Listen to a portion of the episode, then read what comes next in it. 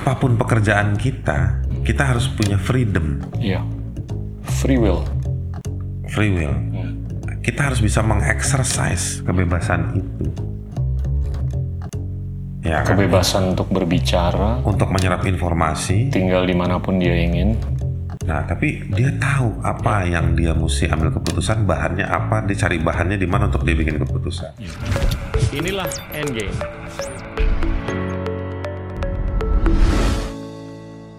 Halo teman-teman, hari ini kita kedatangan teman saya Haris Azhar, founder dari Yayasan Lokataru. Haris, makasih bisa datang. Makasih juga diundang Pak kita. Eh, biasa deh, ceritain deh. Anda tuh lahir di Jakarta, keturunan macam-macam. India, Banjar, Makassar, Saya korban perang dunia. siap. Eh, saya baru tahu berapa tahun belakangan ini. Jadi kakek saya tuh kawin sama nenek saya yang dari bapak itu memutuskan kawin karena waktu itu dia nggak bisa pulang ke India. Ada perang dunia.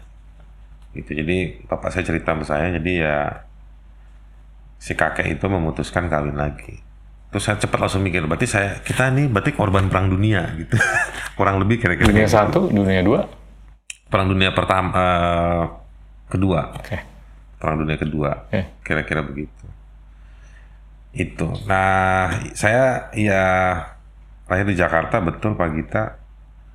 Eh, darahnya macam-macam ya, ada Banjarnya, ada Asia Selatannya, Siap. tapi paspornya dulu kakek saya Inggris.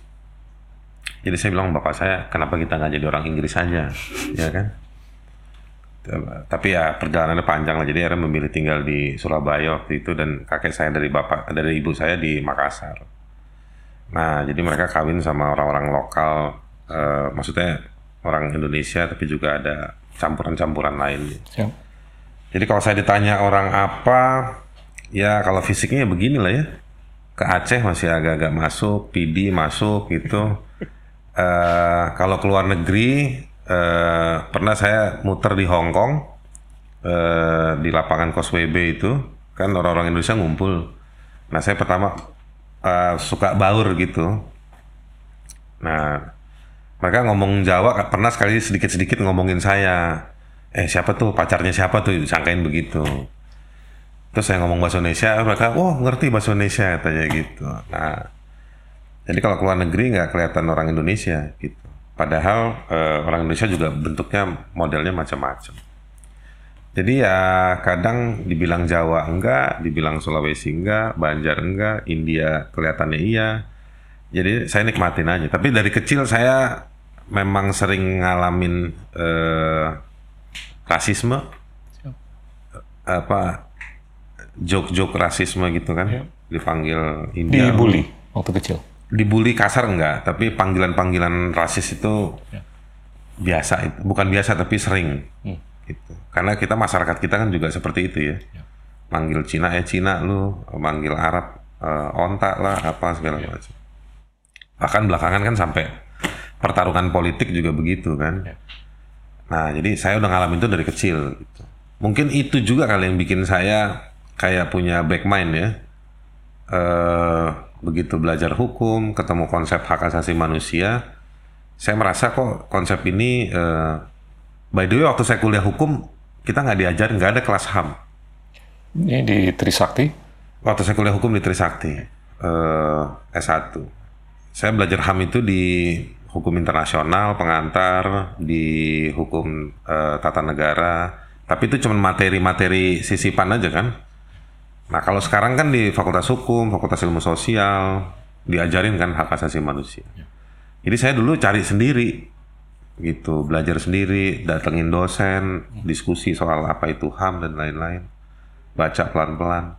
Nah lama-lama kok kayak seneng cocok gitu ya kayak eh saya tuh karakternya suka belain yang yang Tertindas. tertindas. Jadi waktu Piala Dunia eh Prancis lawan siapa nih Kroasia, saya tahu Prancis jago gitu. Hmm. Tapi kayaknya saya pengen Kroasia. aja nih Kroasia menang kayaknya seru gitu ya kan. Strikernya bagus-bagus Prancis. Jadi kayak bawaan gitu memang seneng belain yang apa berpihak sama yang eh, Underdog. underdog. Kita kalau di hak asasi sebutnya vulnerable groups, Yap. kelompok-kelompok rentan itu. Nah, itu mungkin karena punya pengalaman pribadi Oke. dan juga didikan orang tua saya. Ibu saya orangnya disiplin banget. Oke. Eh, saya pernah lihat dia berdebat sama polisi hanya gara-gara dia bilang saya nggak salah dan kamu nggak bisa ngambil SIM saya. Ini zaman masih orde baru. Wow. Eh, saya masih kelas 5 SD gitu. Dan dia siap dibawa sama polisinya sampai ke kantor polisi segala macam untuk mempertahankan argumentasinya. Setelah tiga jam, saya disuruh tunggu di mobil. Setelah tiga jam, dia pulang dan dia bilang, "Mama nggak diapa-apain." Apa? SIM-nya ada masih sama dia gitu. Eh, jadi dia di luar rumah, di dalam rumah, ke kita, ke orang lain sama treatmentnya. Nah itu saya hidup eh, puluhan tahun dengan cara seperti itu. Jadi ya mungkin ya faktor-faktor itu yang juga bikin saya pas di luar ketemu belajar hukum, belajar dengan berbagai konsep eh, yang terkait sama manusia, sama masyarakat. Jadi ya saya nikmatin kerja hukum dan ham ini saya nikmati sekarang. Budaya berdebat itu udah cukup kental dari masa kecil. Iya, ibu saya kan gede di tradisi orang Makassar. Jadi suara, pilihan kata, ngomong ke siapa itu penting. Ya. Jadi ngomong ke siapa, eh, ngomongnya apa, isinya apa itu eh, dan kalau dibantah harus siap lagi. Kalau nggak bisa ya berarti argumentasinya failed. Nah itu kita dari kecil dididik kayak begitu. Tapi habis berdebat ya oke Ya. Ya. gitu. Jadi ya latihan. Terus nggak tahu kalau ada reformasi ada apa ya nggak ngerti saya. Di rumah kan dibiasakan seperti itu pak gitu. Terus ngambil S2 di Inggris. Di Essex. Saya tuh kuliah banyak pak kita. Oke. Kita ke alma mater banyak. Yang lulus dua, dua berhenti di jalan. Eh, S1 hukum lulus. Eh, terus ngambil S2 HAM di Inggris. Siap. Eh, itu lulus. Ada lagi yang satu S1 berhenti, nggak punya duit. Waktu di UI. eh, di uni- universitas terbuka belajar sosiologi. Oke. Terus ambil lagi S2 filsafat, gak lulus juga karena nggak punya duit juga. Kenapa filsafat? eh Atau kenapa sosiologi? karena saya senang aja Oke. dengan soal masyarakat, soal cari tahu nih kenapa nih kenapa itu saya hal-hal seperti itulah. Saya punya banyak pertanyaan dulu saya waktu baru selesai hukum. S1 saya punya sejumlah pertanyaan di diri saya terus ketemu orang yang juga bikin saya tambah mikir juga gitu. Dari saya ambil sosiologi terus nggak lama kemudian saya ambil filsafat juga. Eh, banyak pertanyaan itu yang kejawab Eh, oh cara menjawabnya tapi jawabannya nggak ada yang final makin dicari makin nggak jelas pak kita tapi saya ketemu dengan berbagai bacaan yang men- berusaha menjawab dan dan saya belajar bahwa berusaha menjawab itu itu adalah jawabannya Ya. jadi nggak ada nggak ada final Ya. solution itu nggak ada gitu. Tadi saya ngobrol sama orang mengenai pemberdayaan teknologi atau inovasi teknologi akhir-akhir ini. Yang saya perhatiin tuh pemberdayaan teknologi sekarang atau akhir-akhir ini kurang filsafatnya. iya Dan ini agak-agak tabrakan dengan apa yang kita lihat di era the Enlightenment abad 17-18 yang mana siapa pun yang menjadi ilmuwan menemukan scientific discovery itu dia lebih dahulu mengedepankan nilai-nilai filsuf betul sama dengan 3000 tahun yang lalu kan. Zaman Yunani, ahli-ahli seperti Aristotle, Socrates, Pythagoras itu bisa dianggap mereka tuh ahli ilmu alam tapi mereka juga ahli filsuf. iya Nah itu nyambung dengan kebijaksanaan kan. Iya Supaya pemberdayaan teknologi ini bijaksana. Dan saya ngelihat generasi sekarang ini mungkin perlu kali untuk lebih berfilsuf. teknologi hari ini eh masuk di ranah konsumtif ya. Iya. karena mempermudah Tuh. dan orang drowning ya apa namanya tenggelam di sana. Tuh. Jadi nggak tahu lagi mana kabel ujung, mana ka- mana kalau bahasanya Jokowi mana hulu mana hilir lah kira-kira Siap. begitu. Ya. Padahal teknologi yang dipakai hari ini dia berangkat dari ilmu pengetahuan. Teknologi itu kan penemuan dari olah pikir. Ya. Nah, ilmu itu kalau kita belajar filsafat kan ada filsafat ilmu itu. Itu ada tata krama, tata pikir, berproses menemukan. Jadi di filsafat ilmu itu salah satunya dibahas itu kegunaan. Ya. kenapa bikin ini kenapa bikin ini? Kegunaannya atau kenapa ada penemuan soal hal konsep tertentu? Itu karena ada latar belakangnya. Ya. alam. Betul. tantangan hubungan antara sesama manusia. Ya. jadi dikonstruksikan dicari caranya. Dan itu kemudian jadi teknologi. Karena ada teknologi sosial teknologi eh, mesin apa segala macam. Jadi memang eh, sangat disayangkan sih Ya. bahwa teknologi itu banyak digunakan, tetapi tidak banyak orang mau memahami. Ya. Dan itu makanya ada penggunaan teknologi yang berlebihan. Karena mereka nggak paham Ya. eh, tujuan-tujuannya. Misalnya begini, saya kasih contoh. Ya. Ada orang denger lag- eh, kerja pakai laptop, denger lagu pakai laptop, Ya. nonton film pakai laptop, Eh, apalagi ya, eh, nyimpen file pakai laptop, dan kemudian market si teknologinya menciptakan laptop yang bisa semuanya, aplikasinya bertempuran di situ untuk lagu dan lain-lain.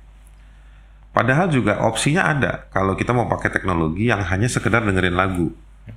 Nah sekarang kalau kita mau kejar lebih lanjut, yang cuma dengerin lagu, ternyata kalau kita charge eh, listrik, dia hanya butuh setengah jam. Kita install lagu, mungkin hanya butuh memori berapa banyak. Nah, kadang dagangan yang imajinatif tadi itu yang all in, semuanya ada di situ, eh, itu kesannya memudahkan orang untuk wah kayaknya udah selesai nih pegang satu laptop semuanya ada di situ. Tuh. Tetapi kan ada resiko kalau hilang berarti hilang semuanya. Jadi dia nggak punya keberagaman. Eh, semuanya dijadikan satu. Yang kedua dia butuh listrik yang dayanya berapa banyak. Hmm. Ini semua saya bilang nggak ada yang benar nggak ada yang salah. Opsi. Tetapi kita bisa milih satu Ya. atau kita memilih yang terkonsolidasi jadi satu tadi itu dengan kesadaran. Nah, kesadaran kita memilih ini banyak yang perlu dilatih. Sama dalam dunia yang saya geluti di bidang HAM ya. Penting itu orang punya kesadaran Hmm. sebelum dia bikin keputusan. Keputusan terkait dirinya atau terkait orang lain atau terkait kehidupan bersama orang yang lebih luas. Selama itu didiskusikan, disadari, itu akan ke- jadi keputusan yang baik. Saya yakin Pak Gita juga percaya seperti itu. Sangat. Ya. Nah, banyak orang menuntut sesuatu, teriak sesuatu, setelah kehilangan. Kayak begitu. Nah, balik ke soal poin teknologi yang mau saya bilang. Ya. Teknologi itu banyak ditemukan justru ketika ada masalah. Ada orang yang berpikir dengan ketertiban, Menarik. lalu dia menemukan masalah. Sejarah AC, ini kan sejarah perang nih. Ya. perang di musim panas tiba-tiba dicari alat yang supaya pasukannya tetap mau bertempur tapi udaranya ada udara pendingin handphone alat intelijen alat komunikasi perang juga segala macam. Jadi ada situasi-situasi krisis yang sebetulnya melahirkan eh, penemuan-penemuan baru. Nah situasi krisis ini ditambah dengan cara berpikir ini yang menciptakan apa namanya? Pressure. Ya. Yang apa namanya term waktunya segini harus ada alatnya harus ada apanya. Nah di Indonesia kita ini punya sejumlah semua syarat itu orang pinter banyak, krisis banyak lah. Ya bukan krisis yang mega Ya. gimana tapi krisis-krisis itu banyak. Nah tapi momentum siapa yang mau ngambil untuk menjadikan situasi ini untuk seba jadi bukan hanya kemajuan dan kemudahan tetapi juga menyadarkan. Hmm. gitu. Saya banyak melihat eh, pak pinjam istilah kalau di dunia religi itu nabi ya. Hmm. nabi-nabi kecil di sektor-sektor itu. Itu banyak. Ya. tetapi kadang-kadang dia eh, tidak populis.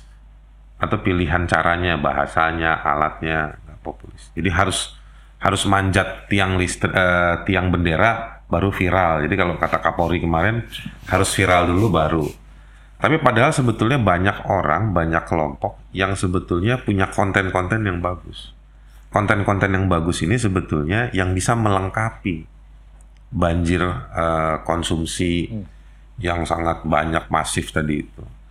Nah, tapi nggak ada yang mau mengedukasi itu. Ya. Mungkin ada tapi nggak laku, tapi nggak continue. Padahal menurut saya ada otoritas-otoritas, baik itu otoritas eh, resmi negara maksud saya maupun otoritas sosial yang harusnya bisa memastikan dalam konteks proses upaya bahwa eh, harus ada intervensi yang cukup untuk memastikan bahwa penggunaan teknologi atau hal-hal yang konsumtif yang banjir di market itu itu ada batasnya, efek buruknya eh, dan juga kegunaannya supaya orang juga sadar. Nah sekarang lucu misalnya, eh, saya juga jadi korban. Pak kita belum disomasi ya. Kebebasan berbicara itu dipenjara bahasa kasarnya atau saling gugat menggugat dipidanakan. Muncul program dari pemerintah namanya eh, apa namanya edukasi narasi itulah ya gitu-gitu. Kita kok nggak pernah ngebahas sih bagaimana eh, bisnis eh, digital ini. Siapa sih supplier teknologi HP di Indonesia? Ya kan? Siapa yang ngambil keuntungan? Menurut saya itu hipokrit kita. HP nggak pernah dibatasin, didagangin. Ya kan? Tetapi kalau ada orang nge-tweet salah, dipenjarain. Gitu. Jangan-jangan waktu di dipenjarain, HP-nya diambil, terus tujuannya supaya orang itu beli HP lagi. Misalnya ini simulasi goblok-goblokan aja. Jadi menurut saya nggak dari ujung ke ujung menata itu. Saya beberapa minggu lalu ngelihat dari satu pemberitaan ada negara mana membatasi anak untuk pakai jam Ya, screen time. screen time-nya. Teknologinya ada, tapi nggak pernah diedukasi masyarakat bagaimana membatasi si anak. Kesadaran itu hanya ada di segelintir kelas menengah Ya. yang berani ngambil keputusan. Nah, eh, atau misalnya eh, panduan-panduan ketika kita baru beli HP yang built-in udah ada Facebooknya, ada Twitternya. Bisa nggak dipastikan bahwa produk yang masuk ke sini ada edukasinya? Itu pertanggungjawaban private sektor Ya.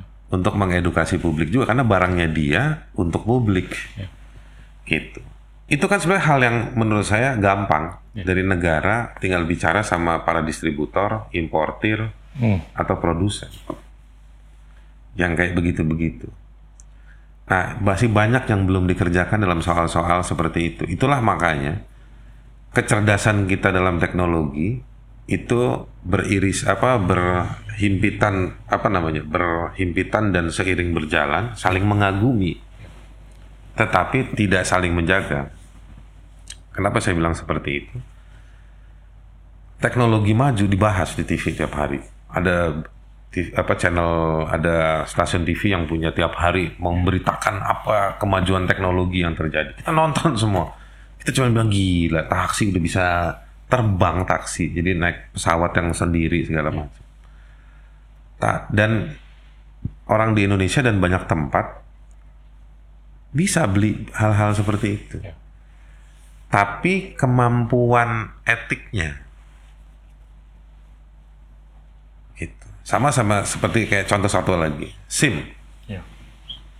Eh, dulu Jokowi pernah tahun 2015 2016 atau 2017 ada kebijakan pemerintah soal hu- bidang hukum. Salah satu isinya adalah mempermudah orang bikin SIM. Mempermudah orang bikin SIM. Karena SIM itu salah satu faktor untuk distribusi barang. Bagi kita orang ekonomi ngerti lah. Ya. Nggak semuanya pakai pesawat dan kereta, ada juga yang pakai distribusi. Dampaknya apa? Mempermudah. Ramai orang bikin bikin SIM.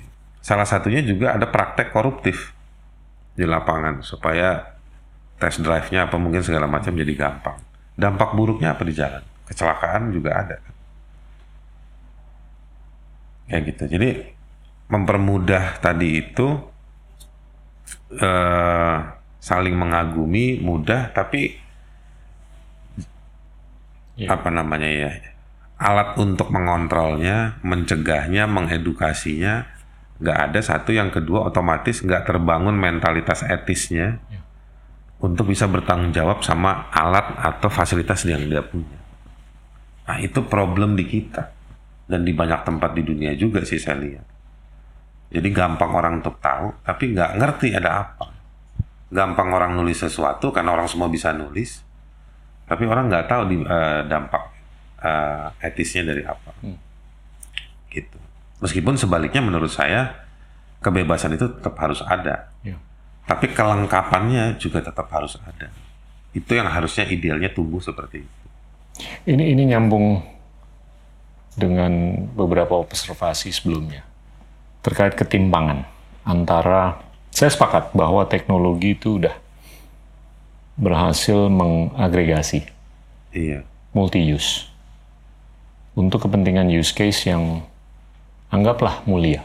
Iya. Tapi kemuliaan ini nggak terjadi atau belum terjadi karena sosialisasi use case-nya Iya.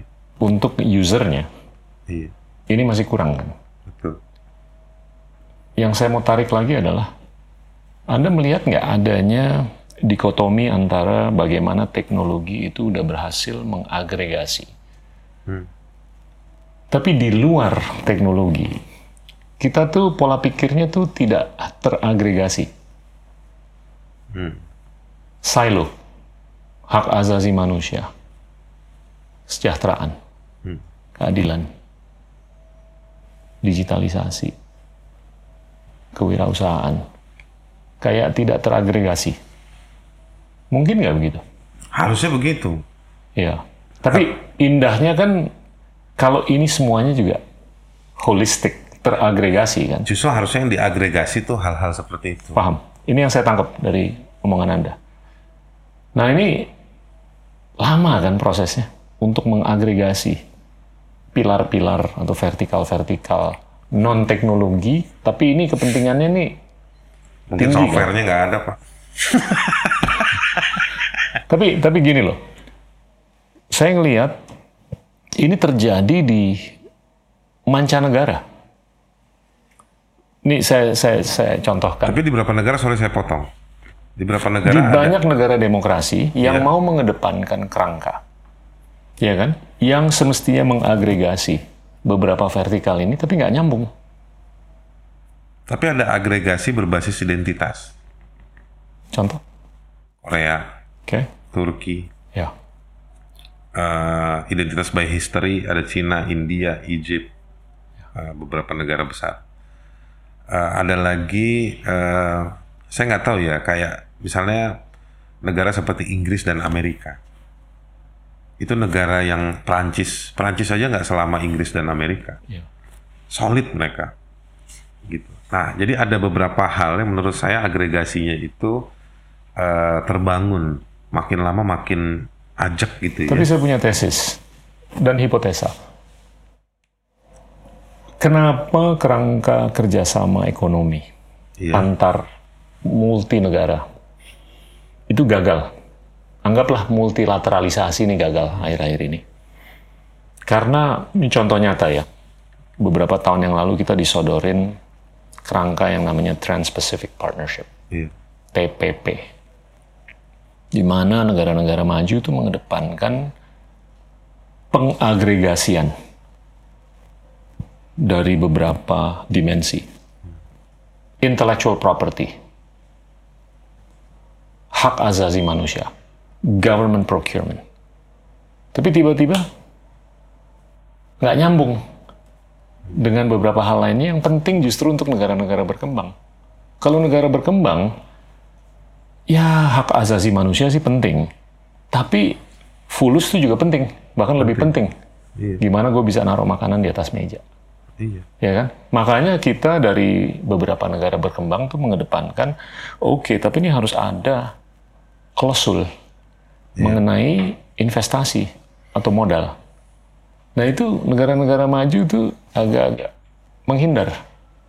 Nah itu saya ngeliat adanya kepatahan untuk bukan hanya negara maju, tapi negara berkembang untuk mengagregasi seluruh vertikal yang semestinya itu kaya atau mulia untuk kepentingan kerjasama multilateral. Nah ini tesis atau hipotesa saya, ini nyambung dengan polarisasi percakapan. Dalam agregasi sosmed misalnya. Exactly. Bagaimana sosmed itu mengamplifikasi narasi yang kalau menurut saya itu jelek. Tapi nggak mengamplifikasi narasi yang bagus. Semakin gini kan, yang saya udah berapa kali angkat lah dalam beberapa episode. Tapi selama itu nggak disikapi atau nggak diobati, semakin sulit kita untuk menciptakan simetri antara agregasi dalam konteks teknologi dan agregasi di hal-hal yang non teknologi sifatnya. Yang penting untuk kemanusiaan ke depan. Iya, kalau di ini pendapat saya nih ya. Pertama saya declare saya bukan ahli matematika. Sama saya juga. Ya paling Pak kita bekas menteri perdagangan lebih banyak ngitung untung rugi lah. nah, jadi saya bukan ahli eh, agregasi. Tapi by nature kita semua ini pelaku sebetulnya. Eh, saya dalam praktek pengalaman-pengalaman dari metodologi psikologi ya, pengalaman yang berulang-ulang itu akan menciptakan kesimpulan-kesimpulan sementara yang makin lama makin kuat dan hanya bisa dibantah lewat sebuah pendekatan saya namanya meteor. Kalau ada yang dia nggak nggak nggak ngikutin ketertiban tata surya tiba-tiba lepas begitu, itu akan merubah satu tesis baru. Dan itulah ilmu pengetahuan. Eh, ada temuan baru diuji lagi. Balik ke soal agregasi, saya mau bilang begini. Yang agregasi yang kita kenal hari ini dia eh, terkalkulasi Ya. eh, dan juga dia punya kerangka matematika tadi hitung-hitungan Siap. dan dia punya hasil yang itu disodorkan kembali. Saya setuju banget tuh kalau eh, pakai terminologi baru agregasi terhadap soal persoalan kehidupan bersama. Hmm. Dan menurut saya memang harus ada satu orang atau satu kelompok atau satu kumpulan kelompok kelompok-kelompok itu ya yang dia memang ngambil peran untuk saya pilih katanya lagi sekali lagi mengayun dengan memperhatikan sejumlah variabel. Tadi kita saya nyebut Turki, Siap. Korea. Hmm. Eh, Korea menurut saya gak cuman kuat culture identity-nya, tapi juga eh, perasaan bersalah dan perasaan kalah. Iya. Shame culture. Shame culture-nya itu tinggi. eh, setelah perang Korea mereka miskin, mereka sadar, Iya. tengok sebelah ada Jepang sudah maju, bangkit mereka. Sekarang mereka jadi bangsa yang boleh dibilang paling disiplin di dunia, jam kerjanya panjang gitu. Iya. Turki. Kalau kita umroh itu ada yang nggak seragam kan orang Turki. Hmm. Eh, dia punya tafsir sendiri. Eh, di Arab Saudi yang begitu ketatnya dalam soal fikih orang ibadah, dia biarkan tuh orang Turki dengan seragamnya gitu. Saya yakin secara politik dan ekonomi Turki punya bargaining. Iya. Gampang. Ke museumnya aja tuh di mana Hagia Sophia Iya. ada perlengkapan sejarah punya Nabi ada di Turki. Jadi Arab Saudi juga harus jaga itu kan. Betul. Ada bargaining-bargaining itu ada. Tapi itu juga balik lagi memperkaya si identitas-identitas kelompok-kelompok tertentu yang membantu untuk memelihara agregasi tadi itu. Iya. Atau membantu bagi sekelompok orang atau kumpulan kelompok untuk memelihara agregasi tadi itu. Ya. Jadi sepenjahat-penjahatnya pemimpin, sepenjahat-penjahatnya orang di lapangan, mereka terjebak pada agregasi tadi itu. Ya. Kultur, Betul. situasi alamnya, pilihan ekonominya. Nah, itu membatasi. Pertanyaannya kemudian, kalau kita belum punya, pertanyaannya siapa yang bisa menemukan? Ketika pertanyaan saya begini, kenapa kita sekarang masih masih penting memobilisasi supaya terjadi agregasi merah putih di mana-mana? Padahal manifestasi kita nasionalisme kita itu manifestasinya macam-macam, Ya. macam-macam bagi kita menurut saya. Nah, tetapi kenapa kita nggak punya varian apa varian-varian lain untuk yang kita bilang cinta pada republik ini gitu. Nah, jadi penting untuk menemukan, Ya. baru kemudian memelihara dan kemudian menciptakan eh, benefit. Ya. Makanya dalam dunia sosmed agregasi itu nggak cuma ada patternnya, tapi juga orang bisa dapat cuan dari YouTube, dari Instagram yang centang biru itu. Ya. Jadi bisa dapat untung. Ya. Tapi kesian kalau ada orang, ada kelompok, ada kumpulan orang atau kumpulan kelompok yang nggak ngerti polanya. Ya. Polanya nggak nggak nggak dapat dia polanya. Karena apa? Karena dia apa namanya? eh, gemeter ya tiap hari. Tiap hari buka ini, besok buka itu. Kalau pakai bahasa sosmed hari Betul. ini ya. Betul. Jadi dia nggak punya interest sama sesuatu. Karena kalau dia punya interest sama sesuatu, baik sebagai sebuah cita-cita maupun sebagai sebuah beban, itu kan menciptakan interest.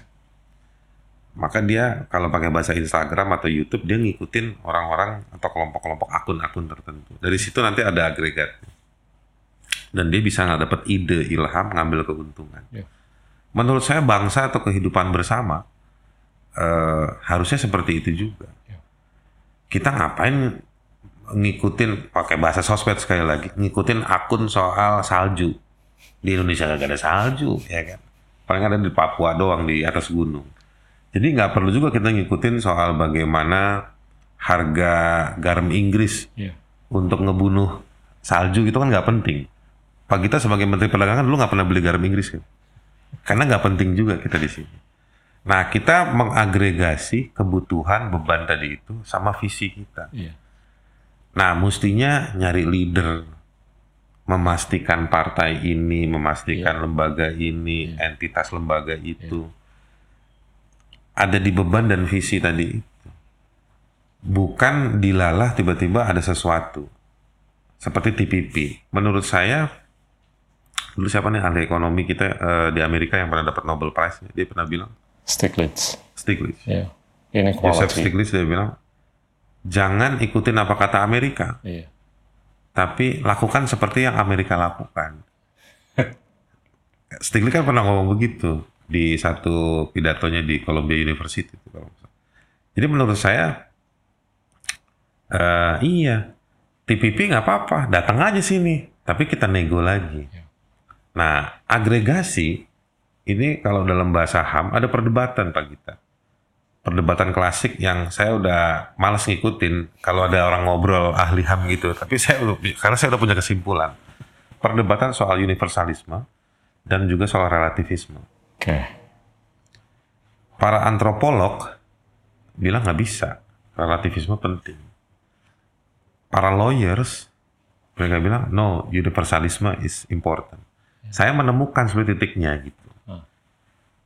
Eh, yang universal itu value-nya. Misalnya setiap orang berhak untuk berpakaian. Ya. Tapi nggak bisa pakaian yang orang di Hawaii dipaksakan pada pakaian orang di Timur Tengah. Ya. Kita belum bicara soal identity, kita bicara alam. Pakailah baju Hawaii di gurun pasir. Saya yakin dalam dua jam kebakar kulitnya. Gitu. Belum lagi nanti persoalan value atau eh, keyakinan. Atau berbasis cuaca. Orang di Eropa Utara akan lebih rapat pakaiannya buat yang perempuan dibandingkan orang Muslim atau orang eh, Yahudi. Karena cuaca menuntut dia supaya seperti itu. Jadi ada faktor-faktor yang menentukan orang bersikap seperti apa di lapangan berangkat dari satu value yang sama. Nah, TPP filosofinya apa dulu kan? Iya. Berangkatnya dari Ini soal pertanyaan filsafat. Nah, ini kan? cabangnya banyak nih. cabangnya banyak. Nah, Ini- jadi jadi saya mau bilang TPP Amerika mau bungkus itu silahkan. Atau datang dari belahan bumi lain pun silahkan. Cina misalnya uh, Iya. Belt Road apa segala macam silahkan. Selama waktu datang di kita, kita berdaulat menentukan. Iya. Karena kita punya beban dan visi dan kita menjadi faktor penentu. Kita sadar. Tadi saya bilang itu dari sisi hak asasi manusia yang paling keren itu keputusan kalau kita sadar apa sih ini jeroannya Paham. dan kita jadi aktor dan kita ngambil keuntungan. Kalau bahasa Instagram centang biru kita Siap. gitu. Nah itu kita nggak kelihatan tuh mau TPP kayak zaman Jokowi kayak PTT kayak apa kayak segala macam. Nah kita itu yang kita nggak rasain. Saya waktu itu menolak TPP Iya. dikarenakan ada isu-isu yang perlu diatensikan untuk kepentingan negara berkembang seperti Indonesia Iya. yang mereka tidak mau perhatikan. Dan ini nyambung dengan filosofi Anda. Kalau yang saya tangkap Anda tuh relativis, bukan universalis. Saya Iya kan? sebetulnya berusaha dua-duanya. Oke, tapi yang saya tangkap Anda lebih ke relativisme. Tapi anggaplah Anda atau kita relativis. Ini kan akhir-akhir ini kita bicara atau sering dengar mengenai konsep moral equivalence, Iya. ya kan? Atau tidak adanya atau kurangnya moral equivalence. Iya. Ini saya mau bungkus dalam konteks hak asasi manusia nih. Iya. Kalau kita lihat gontok-gontokan antara Tiongkok dengan Amerika Serikat. Yang satu otokrasi, yang satu demokrasi. Demokrasi nyodok otokrasi bahwasanya telah terjadi pelanggaran Iya. terhadap hak asasi manusia. Tapi otokrasi juga nyodok demokrasi. Lu nggak usah ngelecture gue deh. Lu kemunafikannya juga banyak. Iya. Sehingga nggak ada kan moral equivalence. Dan itu bertumpu di relativisme sebetulnya. Tergantung pakai kacamata siapa, kapan, dan gimana. Iya kan? Nah ini coba dikembangkan deh. Dengan observasi seperti itu, bagaimana, bagaimana kita tuh sebaiknya menyelesaikan atau menjawab begitu banyaknya pertanyaan-pertanyaan mengenai hak asasi manusia secara global atau secara lokal. Sebenarnya banyak nih. Siap. eh ini saya suka ajarin juga sama mahasiswa bahkan sama teman-teman yang di bidang HAM dulu di tahun 2000 sebelum SDGs disahkan 2015 MDGs kan eh, Millennium Development Goals. Pak SBY juga dulu salah satu dari tiga leader ti- salah satu dari tiga orang leader MDGs kantor MDGs kemudian pernah bikin riset dengan London School of Economics eh, tentang eh, kurang lebih sejauh mana efektivitas MDGs dari sisi hak asasi manusia. Kerennya buku itu dipublikasi oleh LSI dan kantor MDGs, kemudian menemukan satu metodologi baru membaca HAM dal- dalam dunia pembangunan. Ini mungkin relativisme, Ya. tapi dia bicara metodologi bahwa ada tiga pertanyaan penting. Satu soal accountability, Ya. yang kedua accessibility, yang ketiga answerability. Saya baca report itu, accountability itu kurang lebih intinya si pembuat kebijakan dan pelaksana kebijakan accountable nggak lo? Gitu. Accessibility artinya penerima manfaat bisa akses nggak? Jangan one way aja dong. Ya. Answerability ini paling keren. Udah deh, ini mau berdebat ke, mau apa ke, bikin kebijakan ke, nyelesain masalah nggak? Nah, itu kritiknya si kantor MDGs terhadap si MDGs sendiri. Setelah di setrum-setrum lah sama LSI, kira-kira begitu. Ada satu lagi sebenarnya measurability. Measurability, measurability itu diukur eh, dia berlaku di semuanya. Jadi eh, accountability itu ada alat ukurnya. accessibility ada alat ukurnya. Di, di report itu keren lah dibahas itu. Pointersnya apa aja. Dan di accessibility juga ada pointersnya apa aja untuk mengukur sejauh mana dia berhasil. Iya. Jadi bahkan poinnya Pak Gita itu dia sebenarnya melekat di semuanya. Nah, jadi tiga hal ini dilihat. Nah, saya jadi pernah ingat juga dulu dalam satu launching buku, almarhum Munir itu dulu pernah ngeritik Pak sejumlah ideologi dalam sambutannya dia terhadap satu buku kumpulan surat eh, kumpulan surat tentara kepada istri diterbitkan waktu itu oleh Voice of Human Rights Radio soal HAM eh, jejaringnya YLBHI. Munir yang launching dia bilang ideologi kiri, kanan, atas, bawah semua nggak ada yang tuntas menjawab problem kemanusiaan. Gitu. Jadi memang eh, di situlah eh, surplus ideologi, surplus kemanusiaan, apa eh, defisit kemanusiaan dijawab dengan konsep HAM itu eh, hidup di sana. Nah itu juga kalau kita lihat hak asasi manusia yang dia beririsan juga sama program multi tafsir dan multi project dari berbagai macam model pembangunan kan ada dampak kemanusiaan. Muncullah kesadaran rule of law itu, Iya. menyusun konsep ini, konsep ini, konsep ini. Tapi problemnya kan jalan terus. Ganti baju, ganti model, ganti tempat, ganti korban. Nah, ini dianggap terus berjalan, tapi kecerdasan manusia, penemuan, kecanggihan ini juga eh, jalan terus. Nah, saya mau balik ke poin Pak Gita tadi itu. Jadi memang, eh, oke, maka tadi saya bilang mau PTT apa mau TPP, Trans eh, Pacific Partnership itu, ataupun model eh, RCEP, Regional Comprehensive Economic Partnership. Iya, atau uh, setiap negara punya model kerjasama sama Indonesia, apa comprehensive agreement, Iya, apa agreement, SEPA. Lombok Treaty, uh, Aus- Indonesia dengan Australia, Iya, iya. banyak lah modelnya. Sampai Argentina pun ada kan impor wine sama daging sapi segala macam, ada semua. Problemnya eh akuntabilitas negara yang meng- mengelola itu. Satu, yang kedua, apakah dia melibatkan warga atau hanya melibatkan siapa temannya penguasa?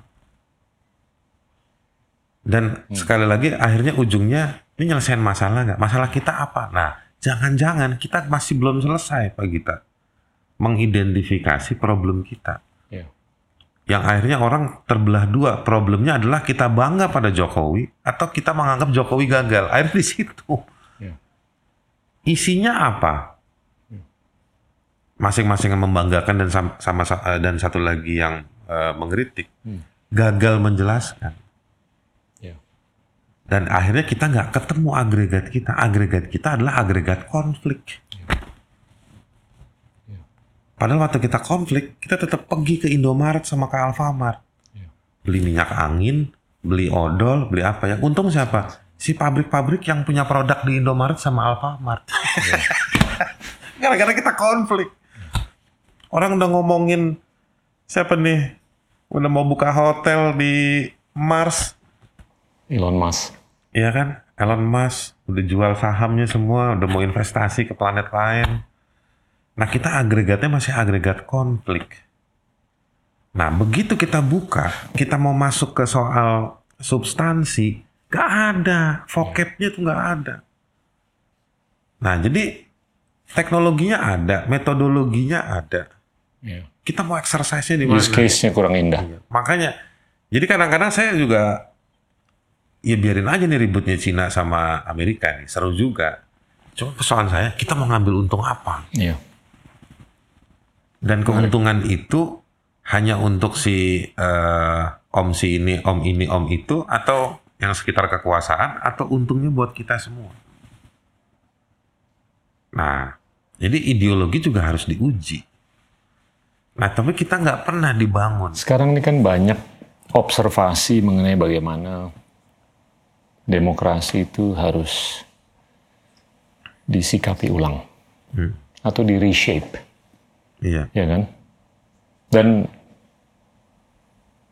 Amerika juga udah menyadari demokrasi yang eksis di sana tuh nggak sempurna. Ya, mereka Dan banyak negara-negara demokrasi juga menyadari mereka nggak sempurna. Kalau menurut Anda, untuk Indonesia berdemokrasi atau proses demokratisasi ke depan tuh yang paling indah gimana sih? Aduh saya ngeri nih jawabnya. Silakan. Menurut saya sih, eh, mungkin saya naif nih ya. Tapi saya bisa ngeklaim karena pengalaman-pengalaman saya. Ya. Ya, menurut saya harus dibuka ruangnya. Yang dibuka di ruangnya itu artinya begini. Kita harus menikmati kritik. Kita harus besarkan telinga sama mata untuk mendengar dan melihat problem. Gitu. Eh, itu satu. Dari sisi soal informasi. Ya. Yang kedua, penting soal demokratisasi ekonomi, bisnis, dan industri. Siap. Yang menurut saya ini hanya dikuasai modalnya, informasinya, dan pengerjaan operasionalisasinya hanya pada kelompok-kelompok tertentu dan dia berjenjang. Kenapa saya bilang berjenjang ini penting? Karena dalam tren oligarki yang makin kuat hari ini, Ya. ini piramidanya itu di atasnya itu tinggi. Yang ran- rancipnya itu Ya. tinggi. Nah, di bawah ini yang kemudian dikonstruksikan sebagai labor. Bukan decision makernya. Jadi demokratisasi ekonomi itu di Indonesia nggak ada. Nggak ada. Masih banyak kooperasi susah. Baik dalam dirinya maupun di luar dirinya. Dalam dirinya itu artinya apa? Mereka nggak tahu bahwa mereka tuh harus ngelengkapin laporan keuangan. Begitu mereka mau lengkapin laporan keuangan, mereka nggak tahu ngerjainnya di mana. Konsultannya mahal. Atau di daerahnya nggak ada. Kalau cek di AHU mah yang punya koperasi mau banyak. Tapi yang coba cek di laporan BPK sama BPKP, berapa dari proyek pembangunan 2000 triliun lebih? Pelaku usahanya orang lokal. UMKM, nggak ada. Siapa semua subkonnya? Cangkang semua. Cangkangnya perusahaan di Jakarta yang punya modalnya dari Singapura atau dari Hong Kong. Ya kita tahu lah kayak begitu-begitu. Nah, kan nggak pernah dibuka yang kayak begini. Demokratisasi bisnis tadi, ini. bisnis, ekonomi, dan industri. Ya. Dari soal uangnya, kelengkapannya, akses informasinya, operasionalisasinya, dikuasai. Bahwa dibilang, selalu yang- ini yang saya nggak suka. Membuka lapangan pekerjaan. Apa sih maksudnya membuka lapangan pekerjaan? Itu kan eh, people at large. Dia cuma jadi labor. Ya. Yang indah buat saya, semua setara, menengah. Makanya pertumbuhan, apa, eh, Pak Gita koreksi saya kalau saya salah. Di negara maju, pertumbuhan ekonominya cuma 2-3 persen. Paling banter. Tapi kesehatannya bagus, Ya. pendidikannya bagus, karena mereka equal semua. Ya. Eh, nah ini yang menurut saya keren. Bukan hanya pakai angka booming 6%, 5%. Tapi sebetulnya dia mengerucut di atas. Ya. Nah, itu soal demokrasi ekonomi, industri, bisnis gitu. Nah, yang menurut lagi saya penting juga faktor hukum ya, bukan karena saya kerja di bidang hukum. Eh, ini bisa tricky. Banyak negara-negara otoriter menikmati campaign mereka rule of law. Ya. Gitu. Misalnya eh, penegakan hukum narkoba. Ujung-ujungnya dia jadi angka dialokasikan sejumlah eh, rupiah untuk penegakan hukum. Konsekuensi statistiknya apa? Kan ditanya produknya apa. Ya. Ada orang ditangkap. Nah tiba-tiba nggak ada yang pakai narkoba, udah dianggarkan kan nggak mungkin dibalikin. Harus ada yang ditangkap. Ya. Makanya ada namanya tukar kepala. Banyak yang ditangkap, tapi kejahatannya tambah besar. Nah lu. Hmm. Ya kan? Nah, ini bahayanya di situ hukum. Nah, hukum harus lead by eh, orang-orang yang punya tadi Pak Gita bilang punya standar moral bagus, ngerti megang pisaunya, kapan dia ke atas, kapan dia ke bawah. Nah, dan bisa diuji, dipertanggungjawabkan. Nggak ada yang absolut hukum itu, nggak boleh absolut. Nah, menurut saya hukum itu dia memfasilitasi, memberikan fasilitas eh, kepastian, tapi dia juga bisa mengoreksi. Iya. Untuk praktek ekonomi tadi itu Iya. eh, yang equal. Nah ini dan yang berikutnya lagi tadi itu yang awal tadi itu saya bilang ada partisipasi warga. Politik itu nggak boleh by eh, political communities aja. Iya. Politik itu justru harusnya dari warga. Jadi menurut Anda ini udah terjadi fenomena elitisasi ekonomi, elitisasi politik, bahkan sosial budaya. Iya. Dan Saya- menurut saya ekonomi sama politik ini udah Iya. Nah, gini loh, kalau saya lihat demokrasi ini kan intinya free will untuk berbicara, iya. yang mana ujung-ujungnya adalah equalization of banyak sekali atribut. Apakah itu berbicara, income, opportunities, Iya. jati diri, apa pun lah, hak azazi manusia. Dan akhir-akhir ini kalau saya ditanya mengenai demokrasi dan korelasi demokrasi terhadap gimana kita harus meningkatkan atau mengurangi kemiskinan. Saya tuh beberapa kali menyampaikan kemiskinan kesejahteraan itu penting untuk dihilangkan atau dikurangi. Tapi yang paling struktural adalah kemiskinan atensi dan ide yang harus dikurangi atau dihilangkan. Karena ini menurut saya nyambung dengan paradoks yang terjadi antara bagaimana kita melihat demokratis, demokratisasi informasi itu nggak nyambung dengan demokratisasi ide. Iya. Kalau kita mau mendemokratisasikan ekonomi, itu yang fundamental adalah sejauh mana secepat apa kita bisa mendemokratisasikan ide. Ya kan? Supaya orang yang dapat lapangan kerja, ini syukur-syukur dia berpikir dengan ide yang baru untuk menjadi pengusaha. Supaya dia jadi lebih besar dan sebesar employernya dia. Iya. Iya kan? Itu mulia kan? Itu manifestasi atau aktualisasi dari gimana kita bisa mendemokratisasikan ide dan ekonomi. Betul. Gimana menurut Anda?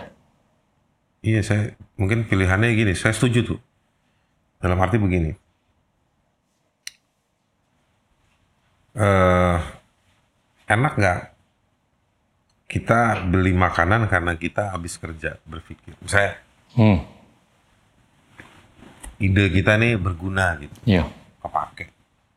Dan kita beli belanja tuh karena hasil tadi itu. iya, Nah, olah apa olah pikir itu itu nggak cuman di di sains pekerjaan ya, memutuskannya juga. iya, Itu kan mateng kan, udah dipikirkan dan lain-lain.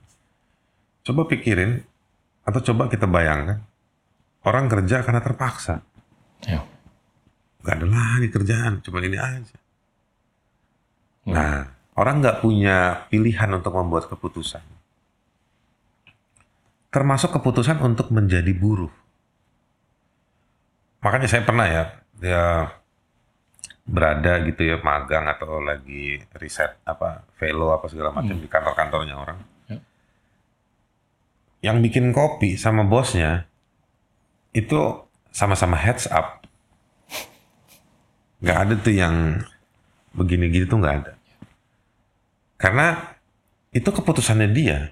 Ya, lu lu sekolah lo anaknya orang kaya atau lu ada nasib. Ya kan, gua gak ada nasib, tapi gua tahu apa yang gua kerjain. Si cleaning service itu ngomong begitu. Seolah-olah wajah mereka itu bilang begitu. Tapi ada etik iya, gitu. Nah, yang bikin keputusan dia. Nah, saya pernah ngobrol sama yang kayak begitu gitu. Terus mereka bilang, I'm not the boss. Jadi artinya bos yang harus bikin keputusan. Hmm. Nah saya agak ini sedikit nih bicara seperti itu karena menurut saya penting tuh Penting apa pun pekerjaan kita kita harus punya freedom, Iya. Free will. free will. Hmm. Kita harus bisa mengeksersis kebebasan itu. Ya kan? Kebebasan untuk berbicara, Untuk menyerap informasi. tinggal di mana pun dia ingin. Nah, tapi dia tahu apa yang dia mesti ambil keputusan, bahannya apa, dia cari bahannya di mana untuk dia bikin keputusan. Iya.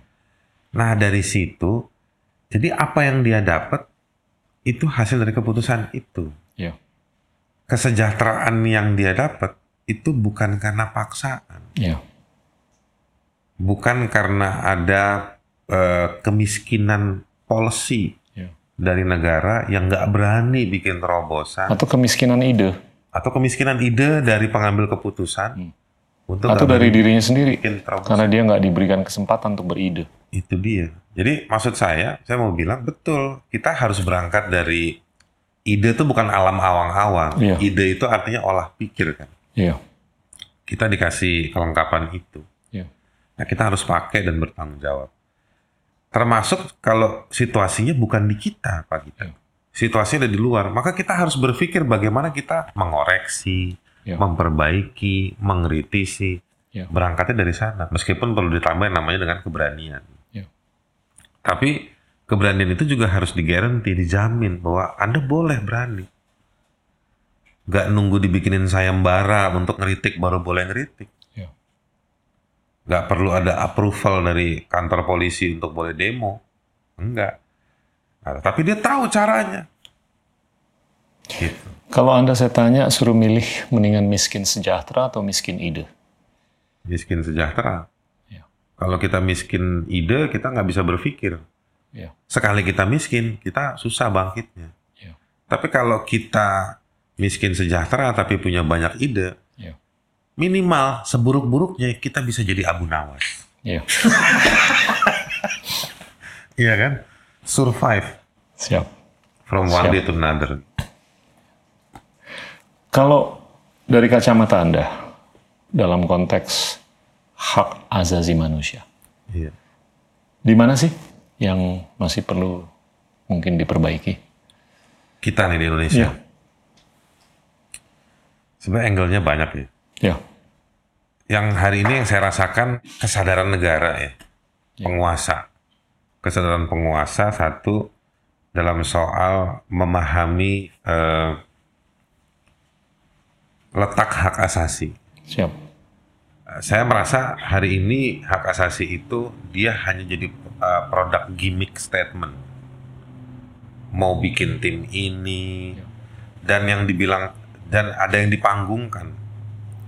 Tapi dipilih. Gitu. Eh saya kasih contoh misalnya. Eh epic banget tuh fotonya Jokowi ketika ngobrol sama suku anak dalam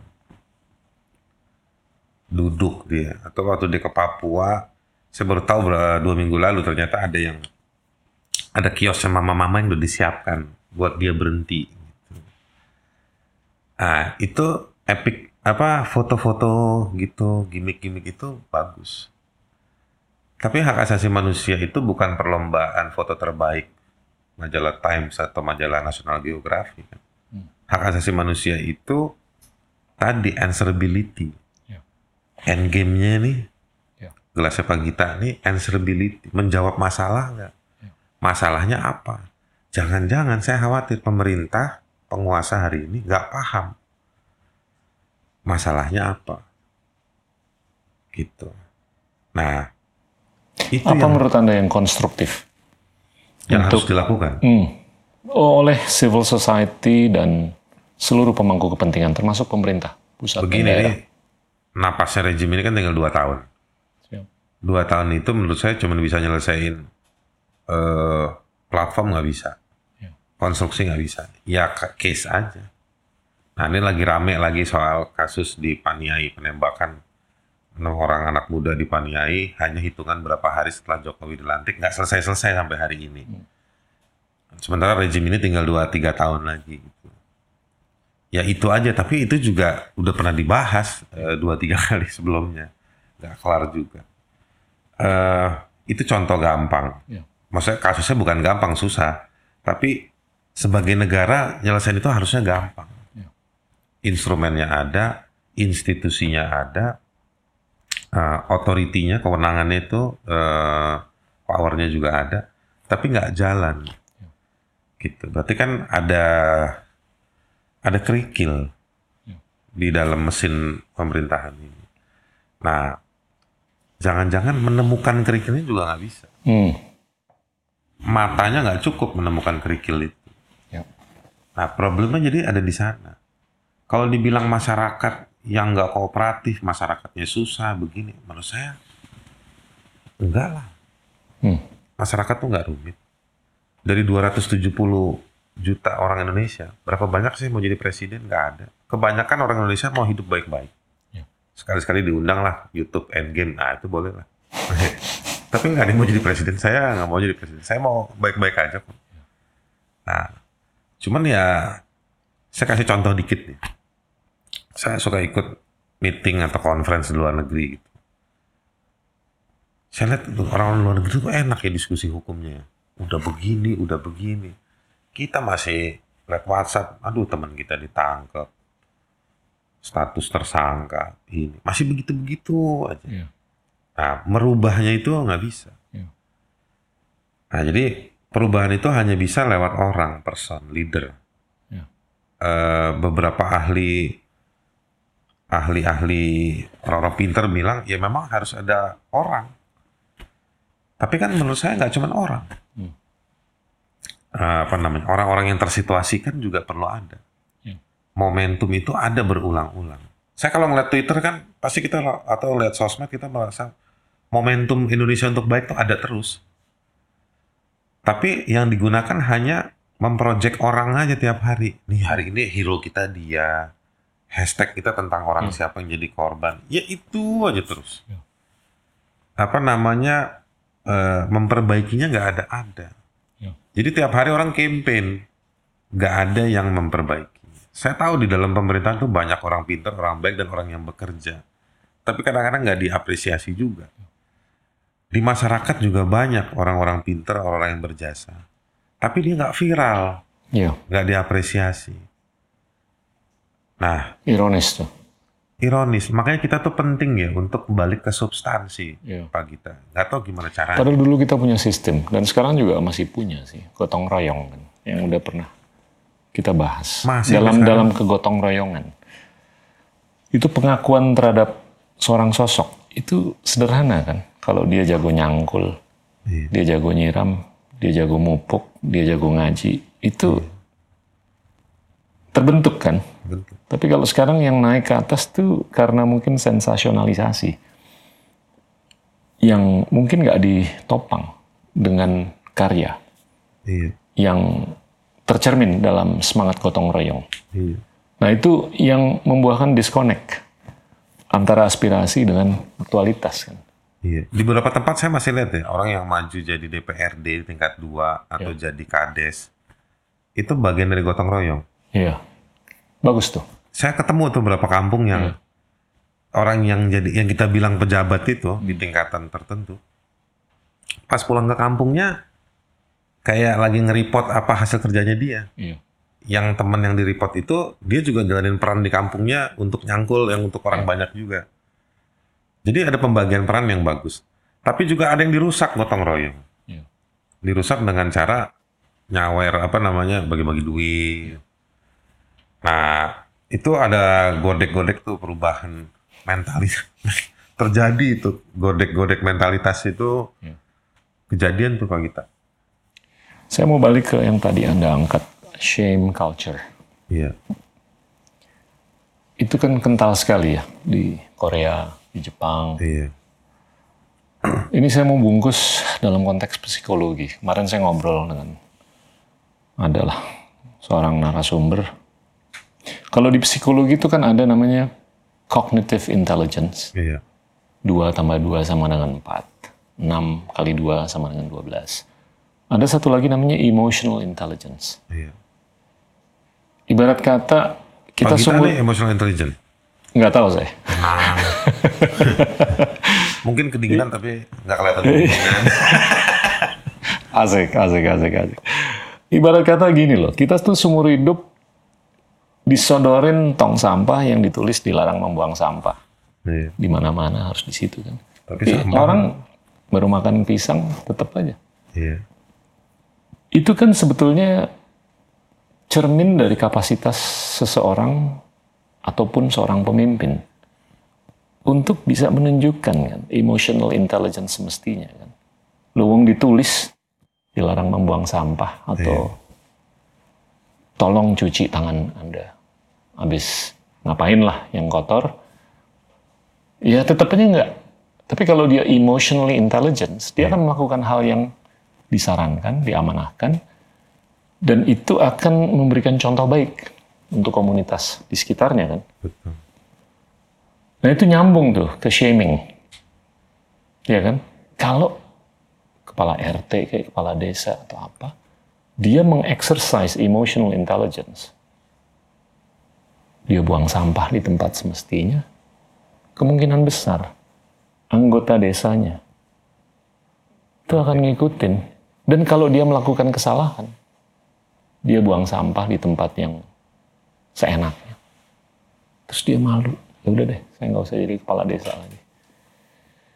Nah itu cermin dari sejauh mana emotional intelligence. Saya pikir-pikir ini penting loh untuk masyarakat luas di mana pun lah, bukan di Indonesia aja.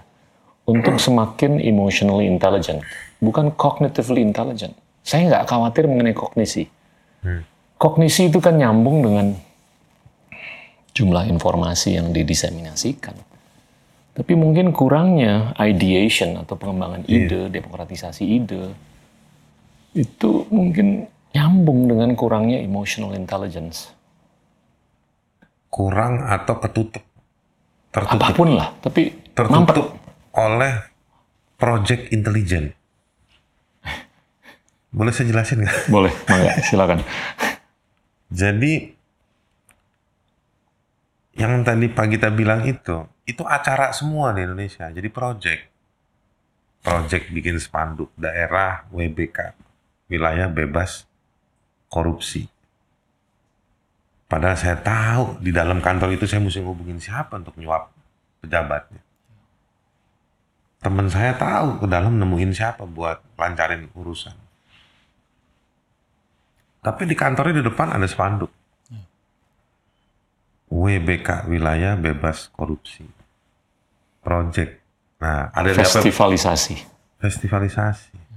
Eh, jadi project. Eh, project saya udah saya pernah ikut ngumpul sama kepala lurah dekat rumah saya tinggal. Diumumin di masjid jam segini ngumpul. Acara apa nih namanya gotong royong. Sampai sana makan-makan. Saya ngomongin sampah daur ulang cuma dijawab ah udah, udah ada pak mesinnya lah mati saya kenapa jadi mesin Tapi ini kronis. Ini udah berdekade di nah Indonesia. itu dia makanya Supaya jelas Pak, kita aja. ini project jadi project ngumpul project bikin spanduk diacarain dan itu semua didanai nah itu problem kita leadership leadership di lapangan juga ada yang seperti Iya. itu di institusi-institusi KL kantor kementerian lembaga juga seperti itu di daerah seperti itu di daerah kan Pak kita ke daerah oh ya Pak kita ke daerah pejabat saya kan grassroots ke daerah nyari ini bapaknya lagi pejabat peresmian kalau dikumpulin fotonya gunting pita pencet tombol dada-dada itu aja fotonya pejabat sama tanda tangan Jabat Nggak daerah. semuanya lah. Ada yang iya. benar-benar tuh. Bener-bener, nggak semuanya ada lah. Tapi projectnya itu begitu. Kalau dikumpulin semua eh, semua acara kegiatan di Indonesia, saya kalau jadi seniman fotografi, saya akan ngumpulin tuh foto pejabat lagi tanda tangan, gunting pita, dada-dada. Ah, itu aja. Ditambah mungkin lagi doa di gereja atau sholat. Itu aja foto banyak pejabat menarik. Nah, itu didanain semua loh sama APBN, APBD. Jadi project intelijen. Nah, kenapa saya bilang intelijen? Karena udah banyak konsultannya. Bagaimana bikin kegiatan menarik. Gitu. Sampai mindahin batu aja ada Barangkali ada konsultan itu, orang lagi gempa, dikejar debu, dia mindahin batu gitu. Ada kan pejabat dari negeri mana gitu. Oke. Nah jadi Oke, ini kita mau maksud konstruktif saya nih. ini konstruktif pak. Paham? Jadi loh. pertanyaannya begini nih, Eh, apa order di Indonesia? Jadi teman saya pernah bilang dia jago sosiologi. Di Indonesia disorder is the order. Iya. Jadi tatanan kita ini adalah kekacauan itu adalah tatanan kita. Iya. Jadi makanya begitu pak kita cari emotional intelligence, dia kayak, uh, Iya. kayak ada satu cahaya yang murni bagus gitu di tengah debu, gitu. Nah, tapi sebetulnya saya yakin banyak orang baik di Indonesia, Iya. cuman nggak difasilitasi dan tidak diinstitusionalisasi. Kenapa tuh mampet? Ya di, ya itu dia ya, karena menurut saya eh, Seakan-akan gini loh. Polit- Proses populisme politik, tuh nggak menyambut atau nggak nggak dianggap menarik untuk talenta-talenta. Saya kenal satu jenderal bintang tiga. Saya ngobrol sama, ya saya nggak usah sebutin lah institusinya mana. Ya. Tapi saya sebut sama orang di bawahnya. Kenapa si bapak itu nggak jadi ini? Beberapa bukan bawahannya tapi dari institusi tersebut kenal orang ini dan dia bilang, orang-orang bilang, wah itu orang pintar mas, baik. Mungkin saya, saya yakin nggak ada duit satu koin pun yang haram di tempatnya dia. Yang ketiga nggak enak. Cuman kalau dia yang jadi bos kita, kita nggak bisa kerja mas. jadi emang nggak boleh masuk orang-orang kayak gitu jadi ya bahasa gampangnya pemimpin. Tapi ini bukan berarti yang jadi pemimpin maling ya enggak ya. Tapi orang-orang baik itu banyak nggak dapat tempat. Ya. Baik itu dalam arti kata jujur, bisa kerja, disiplin, Ya. dan mau mengoreksi. Ya.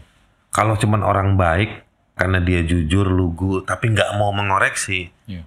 baiknya masih pakai huruf B kecil. Ya. Kita butuh cari yang hurufnya kapital semua. Gitu. Ini sebetulnya hak azazi manusia nih kalau saya perhatiin ini merupakan killer app. Ya kan, dalam 200-300 tahun terakhir ini kan ada beberapa killer app lah yang udah eksis, super app, demokrasi. Menurut Pak Gita, human rights ini killer app ya, It's a killer app terhadap kekuasaan. terhadap nilai yang bisa dianggap universal ataupun semi universal. Iya. ya kan? Demokrasi, killer app. Konsumerisme, konsumeris, kom- konsumerisme itu killer app. Iya. Science itu killer app. Scientific discovery, killer app. Ini gimana nih? Untuk kita merawat supaya killer app ini nih seperti peduli lindungi.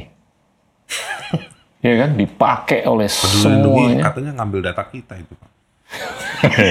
Oke, konteks konteksnya agak beda. nih. Sampingkan aja dikit. Gimana supaya ini benar-benar nyambung dengan masyarakat luas? Kalau kita udah membanggakan diri sebagai demokrasi terbesar nomor tiga di dunia, semestinya kita harus mengambil langkah-langkah yang konsisten dong Iya. dengan proses demokratisasi. Betul. Salah satunya adalah ya ini killer app hak azazi manusia. Anda sebagai tokoh hak azazi manusia, gimana nih supaya application dan applicability-nya ini meluas. Kita kita bisa menggunakan abstraksi ya untuk berbicara secara akademis atau intelektual, tapi kalau ujung-ujungnya ini nggak Dijalankan betul. merata, sulit. Kalau dari sisi eh dari sisi aturan eh keren. Termasuk Indonesia. Indonesia itu regulasi di bidang HAM bagus loh. Sampai perda-perda udah ada bidang HAM, kota ramah HAM udah ada eh, peraturan Kementerian Hukum dan HAM. Jadi pertumbuhan pertumbuhan regulasinya bagus Ya. secara global. Ini risetnya satu profesor eh, di bidang HAM dari Amerika. Dia nulis, kita oke kok pertumbuhan HAM ini. Ahli di bidang HAM tambah banyak. Eh, concern issues di bawah di bawah tema HAM tambah banyak. Eh, alokasi budget eh, untuk kerja HAM dengan berbagai macam variannya banyak. Persoalannya memang eh, efektivitas dia bilang. Dia bahasanya efektivitas. Institusi-institusi di bidang HAM dan terkait HAM tambah banyak di berbagai negara, di daerah-daerah. Tapi kemudian regulasi dan juga eh, regulasi dan juga institusi ini itu dia tidak diaplikasikan. Problem kita hari ini, termasuk di Indonesia, adalah aplikasi dari HAM itu. Nah, ada di sektor hukum, ada di sektor soal pembangunan. Eh, saya orang yang percaya pembangunan itu adalah tempat untuk mengaplikasikan hak asasi manusia. Makanya saya menolak kalau pembangunan hanya bikin jembatan dan jalan tol. Gitu. Nah, harus ada pembangunan di wilayah yang non infrastruktur. Jadi di aplikasinya. Nah, problem ini kemudian dia terganggu oleh korupsi. Dia terganggu oleh kebijakan-kebijakan mempercepat penyesuaian. Itu excuse itu Pak Gita. Excuse untuk meminggirkan orang. Excuse untuk menelantarkan orang. Nah, jadi hati-hati terminologi itu atau definisi dari akselerasi eh, itu dibahas juga eh, ada beberapa literatur HAM yang membahas soal apa namanya eh, akselerasi ekonomi, akselerasi akselerasi infrastruktur. Nah, karena itu yang di, jadi korban soal lingkungan hidup, masyarakat adat, masyarakat miskin, dan ternyata di proyek-proyek itu yang diuntungkan kelompok kelas menengah, industri, properti lagi. Jadi rotasinya muternya di mereka. Di kelompok-kelompok ini nggak nggak besar, rotasinya speednya nggak banyak, eh, kuantitinya juga kecil, karena dia kena ukuran-ukuran kok di bank tuh ada 5C, kredibel apa enggak nih, udah segini aja, dagang rokok aja kok dia kok kayak gitu-gitu. Nah jadi itu tuh bagaimana menerapkan kebijakan eh, kalau di bahasa human rights and development itu disebutnya equity. Ya, setuju. Jadi eh, the lesser get more.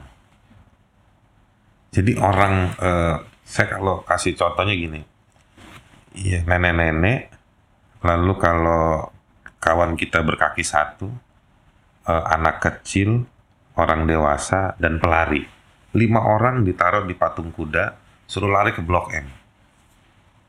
Jaraknya sama, jalan sama-sama dikosongkan, mereka dapat hak yang sama tujuannya sama kok. Nggak ada yang dilebihin, nggak ada yang dikurangi. Tapi yang menang siapa? Ya pasti pelari. Dia sampai duluan. Nah, mustinya si nenek-nenek dikasih mobil. Temen kita yang kakinya satu mungkin dibantu alat lain. Atau eh, siapa lagi? Si anak-anak ada yang nuntun. Jadi mereka dapat kebutuhan untuk jalan sama-sama, Iya. lari bersama-sama menuju Blok M tadi itu. Nah di Indonesia Penting. enggak. Eh, nenek-nenek, ya lu nenek-nenek, salah lu sendiri kenapa lu jadi nenek-nenek? Equality of opportunity sama equality of outcome. Iya. Pilihan katanya itu kalau di UN disebutnya equity. Ya. Jadi bukan equality. Iya. Kalau equality Setuju. eh, cuma punya hak yang sama, Iya. tapi kalau equity eh, punya capaian Lebih yang dalam. sama, Lebih dalam. lebih dalam. Nah, kesadaran untuk itu yang penting dibangun secara kontinu dan lebih konstruktif, bukan gimmick. Ya. Itu yang saya khawatir. Jadi datang ke mama-mama yang dagang pinang di Papua itu hanya untuk foto. Atau eh, mengunjungi hutan yang perbatasan antara hutan dengan kebun sawit ketemu satu suku satu suku hanya foto. Ya. Tapi setelah foto izin memberikan sawitnya tambah terus. Ya kan? Nah ini yang menurut saya harusnya eh, nggak boleh berhenti di foto. Harusnya dia ada kebijakan yang lebih buat si suku anak dalam, ada kebijakan yang lebih buat perempuan di eh, daerah konflik seperti Papua. Nah itu yang mesti diperiksa. Dan menurut saya nggak ada yang salah kok kalau negara berinvestasi di situ Iya, betul. bukan berinvestasi melulu dengan eh, ya eh, apa namanya sektor-sektor industri Iya. ekstraktif, Iya. eksploitatif, nggak begitu juga. Kita- Kita, mesti mengeksploitasi kapasitas manusia kita juga perlu eksploitasi. kan. Kita nggak bisa mengedepankan konsep yang winner takes all. Dan ini balik lagi nih ke awal mula percakapan kan, yang mana kita tuh harus secara holistik lah menyikapi pilar-pilar Iya. apakah itu hak asasi manusia, kayak keadilan sosial, kayak dan lain-lain. Akhir-akhir ini kita nih diintroduksi dengan konsep dan teknologi yang sifatnya desentralistis, Iya. tapi membuahkan satu measurability dan akuntabilitas yang namanya blockchain. Iya. Pernah kepikiran nggak sih Anda untuk mengtokenisasi hak asasi manusia agar lebih jelas nilainya yang bisa diuniversalkan. Satu bisa diukur, Iya. Bisa dipertanggungjawabkan, bisa di universalize. Nah kalau itu jadi, itu kalau menurut saya nyambung tuh dengan kepentingan kita untuk supaya ini menjadi super app atau killer app.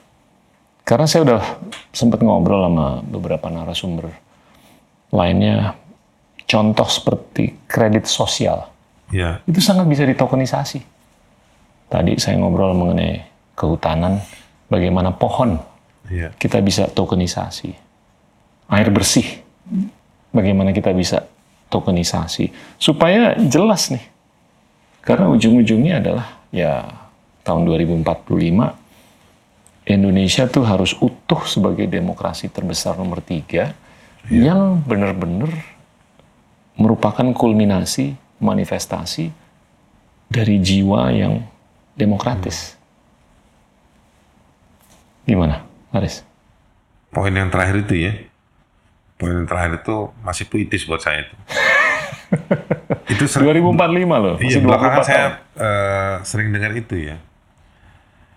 Ah, dalam pendekatan global, semua bicara 2045, Iya. buat Indonesia itu kayaknya angka itu keramat banget 100 Siap. tahun kan. Siap.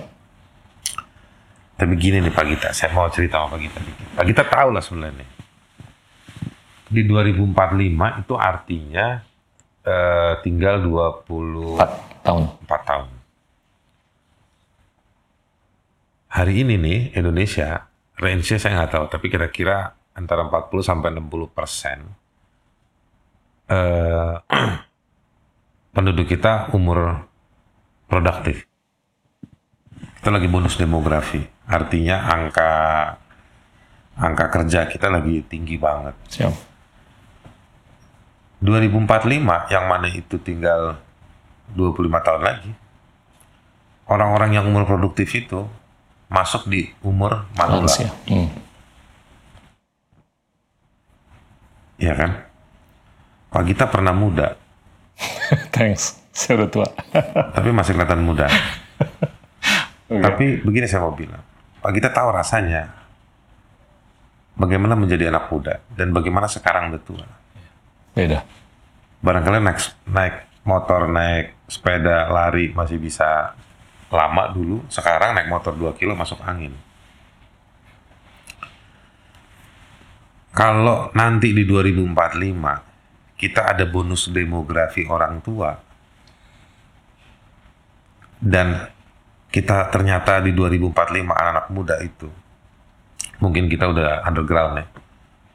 Eh, dan mereka udah telat memperbaiki itu. Energi mereka udah nggak cukup untuk memperbaiki. Saya cuman mau pakai bahasa vulnerable groups. Ya. Dalam hak asasi manusia kita kenal ada perempuan, ada anak, ada indigenous people, tapi juga ada yang namanya elderly person. Konsep elderly person itu adalah orang-orang tua Vulnerable. Yang nabung di dana asuransi, asuransinya di freeze gara-gara kena kasus apalah tuh di negara mana tuh. Ada yang nabung kerja 30 tahun tiba-tiba duitnya dipakai untuk eh, investasi di mana dan hilang. Udah tua. Mereka mau kerja apa lagi tabungannya hilang. Nah kita menuju 2045 punya fundamental itu enggak?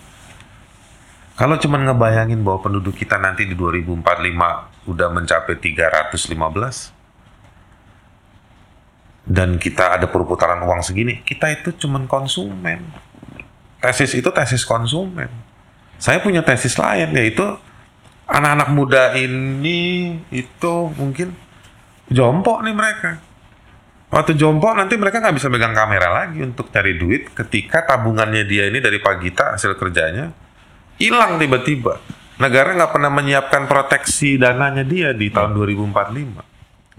Ini di negara siapa pun itu nanti presiden dan rejimnya yang nanti mungkin udah duduk di G20 di atas kertas lapis emas barangkali. Tapi masyarakatnya di 2045 ada bonus demografi jompo. Yang ternyata mereka duitnya nggak aman. Karena kan sekarang BPJS mau ada dana Beban. Beban. beban segala macam. Nah jadi yang saya mau bilang di 100 tahun tadi itu apa yang sudah kita bangun hari ini? Ada mobilisasi nabung dipaksakan, BPJS lah, fasilitasnya dikurangin terus. Ya. Terus mau dipaksa duit perumahan, Oke, itu agak-agak distopian lah. Tapi distopian. Tapi saya mau bilang begini, Ah. di 2045 itu saya cuman mau mau pakai forumnya Pak Gita ini Endgame ini Ah. supaya nggak buru-buru Endgame di 2045. untuk, Untuk menyadari, saya mau bilang eh, ada suara minoritas yang kita harus sandingkan, kasih ruang itu. Udahlah kalau bicara merah putih, burung garuda, insya Allah aman itu banyak yang jagain. Tapi nanti ini situasi di 2045 apa? Kita hutan kita nambah atau hutan kita habis? Kalau ngelihat trennya, kita kehilangan luasan beberapa lapangan bola dari hutan kita tiap hari loh per hari. Eh, terumbu karang kita hancur, hilang, dicuri, itu makanya juga harus. Tadi saya ah, memperkenalkan konsep tokenisasi. Iya. Apakah itu bisa menjadi Oh iya tadi salah ya. satu metode yang bisa mencegah degradasi atau reduksi.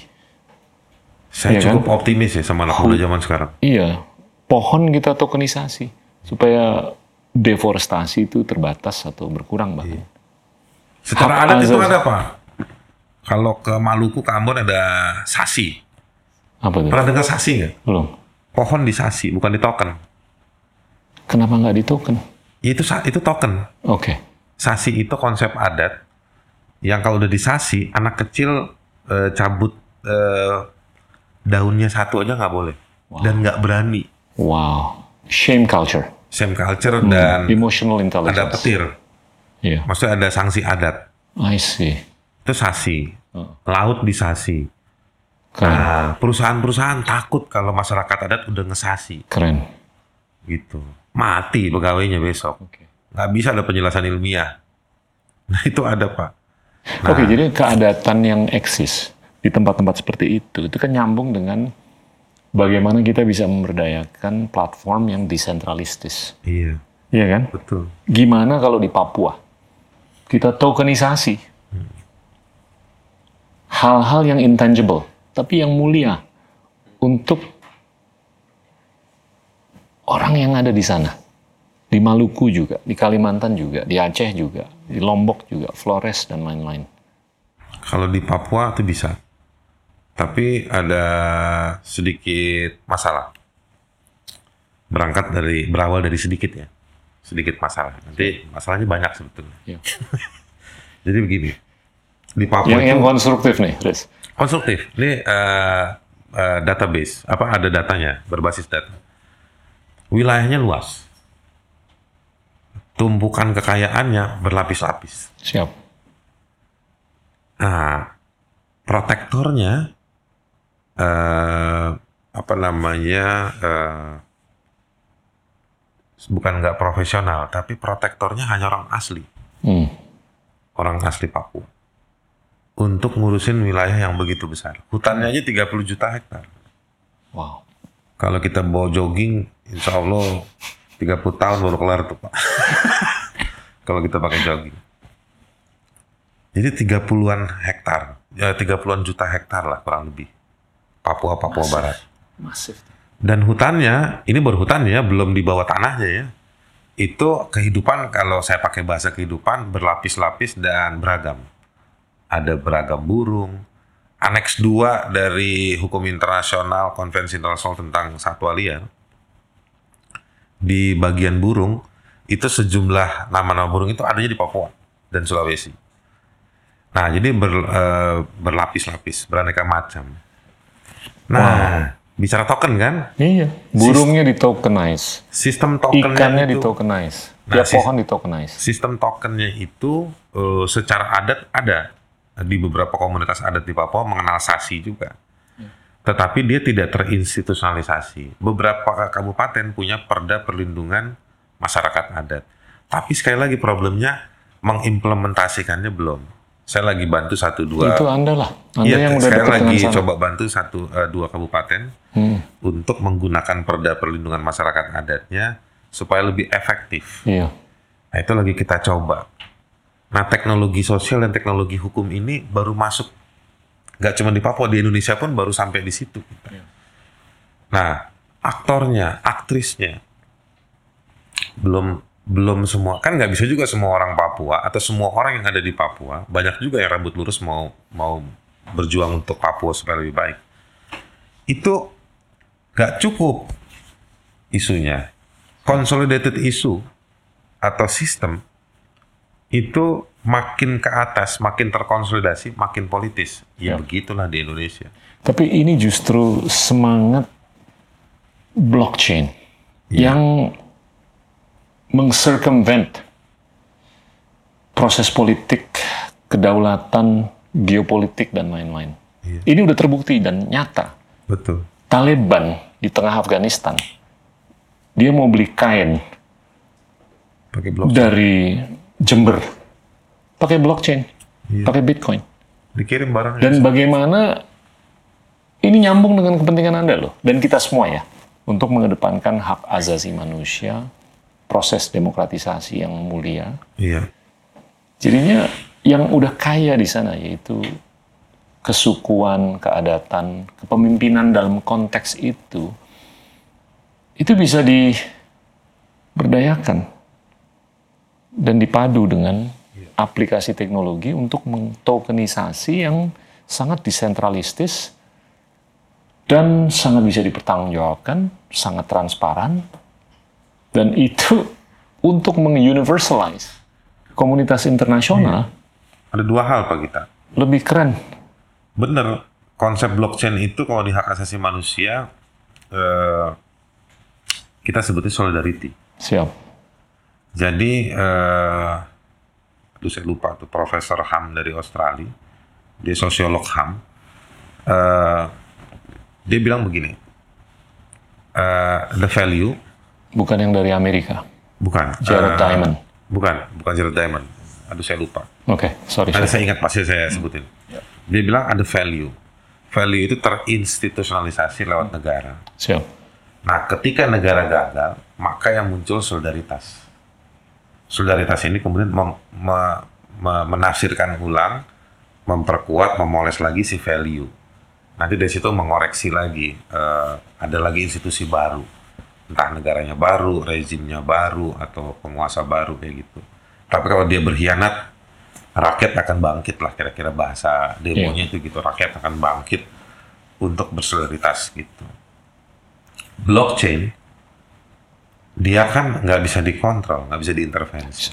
Nah, jadi sebenarnya secara uh, human chain itu udah ada. Jadi rantai manusia itu saling membantu itu adalah COVID ini sebenarnya kan negara menikmati sol- solidaritas sesama warga itu. Dan gini loh Haris, sorry saya potong ya. Blockchain ini secara empiris sudah terbukti bisa eksis di era rezim yang authoritarian. Iya, Dan itu nyambung dengan demokratisasi. iya. Karena desentralistis. Sorry, sorry. silakan. Terus? Maksud saya poinnya ke situ, Pak. Ya. Modalnya itu di antara manusia udah ada. Nanti mereka, sebelum mereka udah ketemu language-nya sendiri. Tools di antara mereka tuh mereka udah ketemu. Eh, beberapa komunitas korban itu punya kegiatan rutin saling ngum, apa kumpul di rumah siapa tiap bulan Ya. patungan komunitas adat di Sumba Timur tiap dua tahun ada festival pangan Siap. Nah, jadi modal itu ada. Nah, kemudian saya paham maksudnya Pak Gita. Dia ketemu dengan satu modal tambahan aplikasi yang sharing juga di situ kan. Dan itu dia akan membesar. Ya. Eh, terus terang saya apa namanya eh, excited dan ngeri juga. Kalau aplikasi blockchain itu menjadi komunitas ham tadi itu. Ya. Jadi di Indonesia atau di negara mana pun orang itu hanya tiga dimensinya aja. Ya. Tapi imajinasinya, idenya, sharingnya, crowdnya ada di blockchain. Ya. Nah kemarin itu sempat ada di Facebook kan. Ya. Cuman orang banyak kecewa sama Facebook, kabur. Nah memang saya dengar ada beberapa komunitas yang udah pindah ke blockchain itu. Nah itu memang juga jadi pilihan dalam kerja solidaritas yang lebih aktif. Seperti mobilisasi, Ya. eh, mengorganisir, eh, baik yang heavy-nya atau beratnya ke sektor ekonomi pemberdayaan, Ya. baik juga yang politis. Nah itu pasti nanti eh, perlahan-lahan ke sana. Saya yang kasih tahu saya kayak begini kira-kira ada tiga tahun lalu. Hmm. Teman saya freak sama IT. Ya. Dia bilang lu kenapa nggak pakai blockchain? Iya. Saya bilang lu gila apa kerja ham pakai blockchain? Kita kan justru pengennya orang nggak kita pengennya kayak toples Ya. bisa dilihat. Kalau orang mau gabung kita tinggal buka tutupnya masuk. Tapi Tapi dia bilang kalau untuk aman nggak amannya dia bilang pakai blockchain. Semakin nyata. Ini toples yang digital. Iya. Dan mungkin loh ini bisa menjadi salah satu jawaban. Haris, kita udah ngobrol panjang nih. Udah kelamaan ya pak? Enggak. Ada pesan-pesan akhir untuk kepentingan kita maju ke 2045? Saya tuh paling takut kalau ruang proses ditutup. Ya. Eh, jadi saya selalu nitip diri saya ke orang lain supaya eh, atau saya janjian sama orang lain kalau saya bisa punya kelebihan ya apa pun kelebihan waktu tenaga untuk ciptain ruang proses itu Ya.